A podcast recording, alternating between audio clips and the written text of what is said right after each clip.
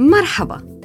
من فترة طلع فيديو عم تحكي فيه امرأة لبنانية عن شيء اسمه اللغة الفينيقية وبتقول السيدة إنه بلبنان ما بيحكوا عربي بل بيحكوا فينيقي.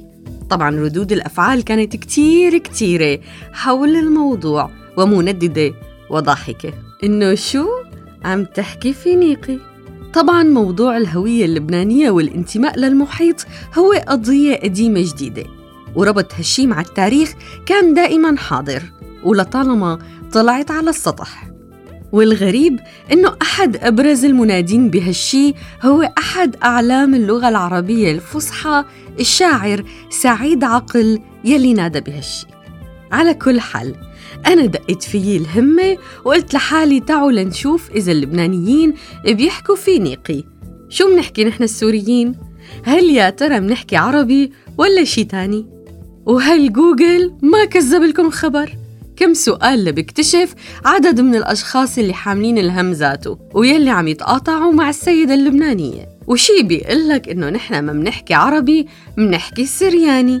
وشي بيقول نحن منحكي آرامي يلي هو أصل اللغة السريانية. وشي بيقلك تدمري والحبل عالجرار بس ما بنفي إنه الموضوع كان مسلي. وبالمنقوشة رح أذكر ببعض الكلمات اللي ضلت عايشة بيناتنا من اللغات القديمة. فمثلا من اللغة الآرامية في كلمة اتغندر غندرة وتبختر ويلي بتعني تمايل بمشيته.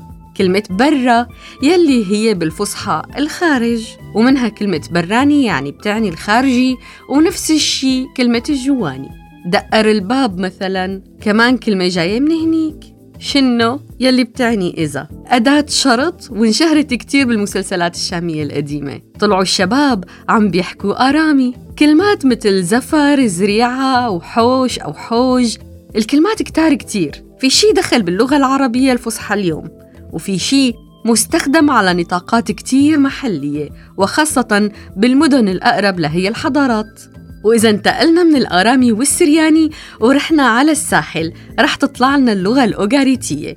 والحقيقة بين اللغتين العربية والأوغاريتية في كتير مفردات مشتركة. بتتجاوز حسب الباحثين ألف كلمة. بس هي المفردات عايشة بيناتنا لليوم وخاصة بالساحل السوري. فإذا سمعنا ابن اللاذقية عم بيقول ما فات دجن ببيتنا فهون بتعني في أما شرح المفردات بيعني لا يوجد الدجن ببيتنا والدجن اسم إله القمح داجن وباللاذقية بيعني الخبز.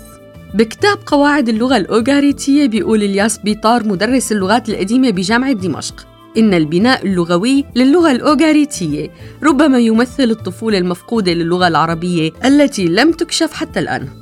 الأوغاريتية بتتطابق مع الجذور اللغوية يلي بتبين بعدد كبير من الألفاظ المشتركة بين اللغتين. وحتى بالبناء اللغوي يلي أثبتت الدراسات بمقارنة لغات شرقية تانية إنه هو واحد بحسب الباحث.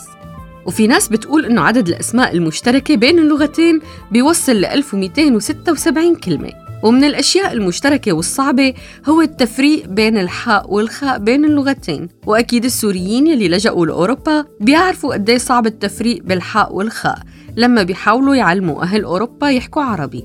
والشي نفسه بينطبق على العين والغين والقرب والتشابه بين الجملة الفعلية واستخدام المثنى وجمع المذكر السالم وجمع المؤنث السالم وجمع التكسير. كلها نقاط بتتشابه بين العربي والأوغاريتي. من الكلمات الشهيرة يلي لسه موجودة بقاموسنا لليوم كلمة بعل بجملة أرض بعل واللي بتعني الأرض الجافة يلي ما بتنسقى غير من المطر. وكلمات مثل سفق أو صفق واللي بنستخدمها لما بيقول الواحد سفق سندويشة شاورما. أو كلمات مثل حشك واللي بتعني سب وشتم. وأكيد كتير من الناس ما بيعرفوا إنه جملة تضرب بهالكسم هي جملة أوغاريتية.